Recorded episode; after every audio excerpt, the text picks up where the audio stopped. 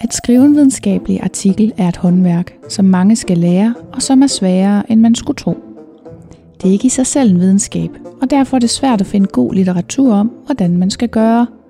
Så her er en helt uvidenskabelig podcast om videnskabens primære redskab, artiklen. Jeg hedder Anne Stine. Jeg er uddannet forsker og arbejder som epidemiolog inden for kvalitet i sundhedssektoren og som postdoc ved Forskningsenheden for Almen Praksis ved Syddansk Universitet. Med mig i studiet er Pia. Hun er postdoc ved Radiologisk Afdeling på Odense Universitetshospital, og Nina, som er medicinstuderende og i gang med sit speciale for Radiologisk Afdeling, også på UH. Velkommen til en podcast, hvor det sjoveste er intromelodien. Velkommen i Nørdeland. Hej, Nina og Pia. Hej. Dejligt, I kunne være her. Selvfølgelig. Vi griner lidt, fordi vi optager det næsten det hele på en gang. Nej, det gør vi ikke helt. Men vi optager det lidt i klumper. Ja. Så vi sidder bare her. Vi har ikke engang haft rejst os fra bordet siden sidste episode. Nej. vi tager lige den sidste del af metoden. Metoden den er jo, øhm, den består ligesom af tre dele. Først så skulle du beskrive, hvad der er blevet gjort, sådan i, med patienterne og alt det der. Dut, dut, dut, dut.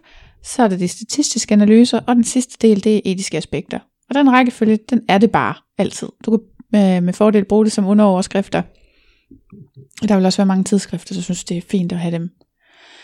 Så i de etiske aspekter,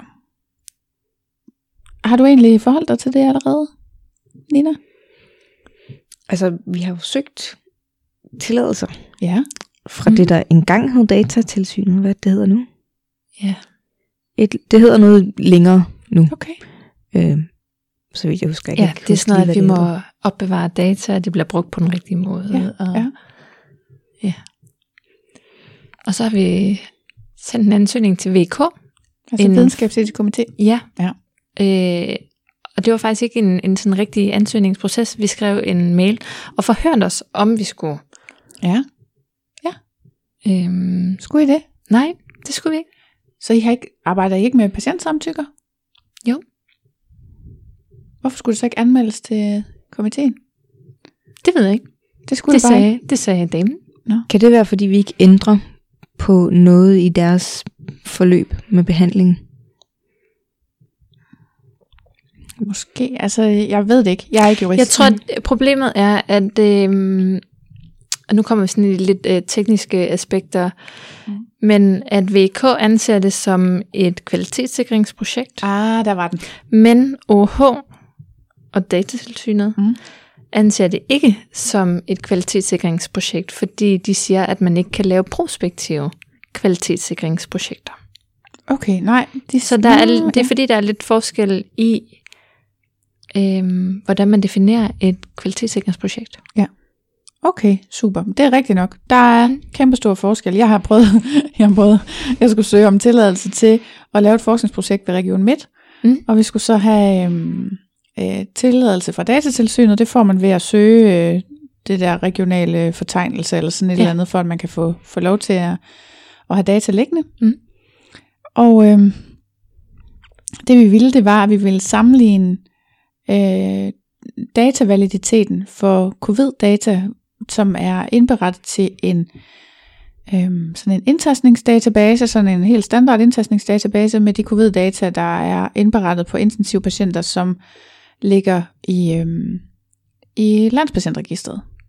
Det er stort set de samme data, så vi vil bare lige se validiteten af det, der bliver indberettet til landspatientregisteret, om den svarede til det, der er i det her øhm, øhm, som er specifikt indberettet, hvor vi ved, at klinikerne har været meget opmærksom på at få indberettet det hele, og korrekt og tidsvarende. Så vil vi bare lige sikre, at det var det samme. Så vil vi tjekke validiteten af data. Mm. Det er da en rigtig god idé. Det er da skide dejligt at vide, om man kan regne med, hvad der står i LPR, ja.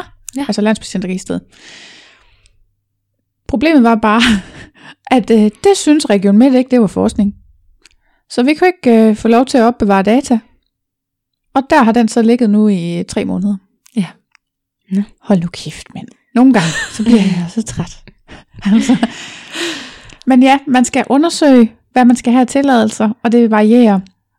Og I har gjort det rigtigt. Jeg har spurgt videnskabsetisk komité. Mm. Det er altid en god idé at lige at spørge dem. Ja. Og det er Og den, man kan faktisk også godt få et projektnummer Ja. på en forspørgsel. Okay, fint. som man så kan lægge med, fordi Ja. ja. når man skal publicere i dag, så øh, Ja. får du faktisk nærmest øh, et afslag, hvis du ikke har et projektidé, sådan at de Ja. ja. potentielt ville kunne gå tilbage og se, om de rigtige godkendelser er rigtige. Nå, super. Mm. Ja, det er godt, at de har indført det, så at man ja. Kan få sådan et ID-nummer. For jeg synes også, det er relevant, fordi som du siger, I har sendt en mail, I har forespurgt, og det er dygtige folk, de ved sgu godt, om der skal være en tilladelse, ja eller nej. Ja. Så, så øh, hvis de siger, der ikke skal, så skal der jo ikke det, men man kan ikke journalisere sådan en e-mail, vel? Altså, Nej. eller jo, man kan godt journalisere den, men man kan ikke så godt publicere den. Nej.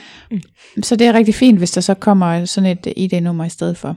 Og det samme for tilladelserne, når I har dem ved datatilsynet, eller, eller hvad det hedder nu om dagen. Ved det offentlige, der elsker man at skifte navn en gang ja. Imellem, bare for at gøre det bøvlet for folk, ikke? Så har man også et ID-nummer. En anden ting, man rigtig tit har, det er, at man har publiceret sin protokol. Har I gjort det egentlig? Nej, det har vi faktisk ikke gjort.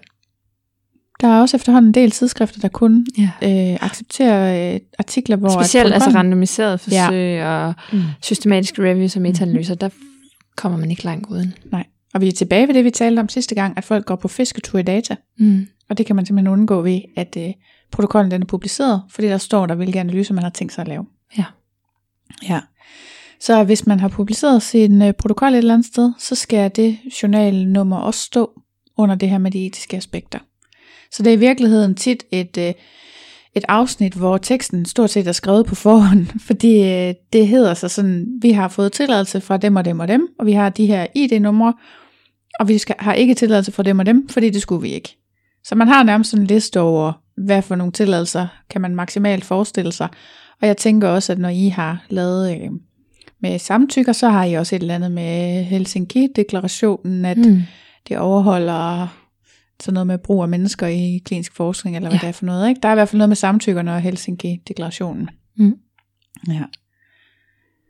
Så det er egentlig det meget korte afsnit, men det er vigtigt, det skal være der, og de der ID-numre, det er også sådan noget, altså hold nu en liste et eller andet sted, hvor du kender dine egne ID-numre, for du skal bruge dem hele tiden.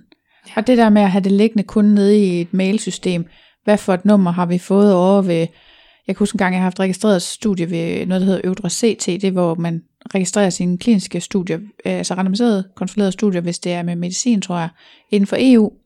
Så er der sådan et register, hvor man kan øh, registrere dem, og det skal man, som du, som du sagde, Pia, faktisk have for stort set, for at man kan få publiceret det bagefter. Øh, og der havde vi også bare det der nummer i lang tid, som, hvor det bare lå nede i en mail. Altså, få det nu lagt et eller andet sted, så man kan finde det. Fordi det, så er det meget nemmere, når det skal stå i artiklen, ikke? Mm. Ja. Har I mere at sige til, til det her med etikken? Nej. Nej, det tror jeg ikke. Så lad os øh, kalde det et kort afsnit. Ja. Tak for nu. Tak, selv tak.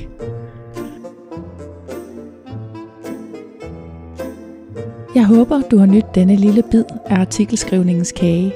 Hvis du vil bidrage til podcasten, se hvad der sker bag om mikrofonerne, eller deltage i et fællesskab for nørder om artikelskrivningens fine kunst, kan du følge med på Instagram på profilen publipro.dk.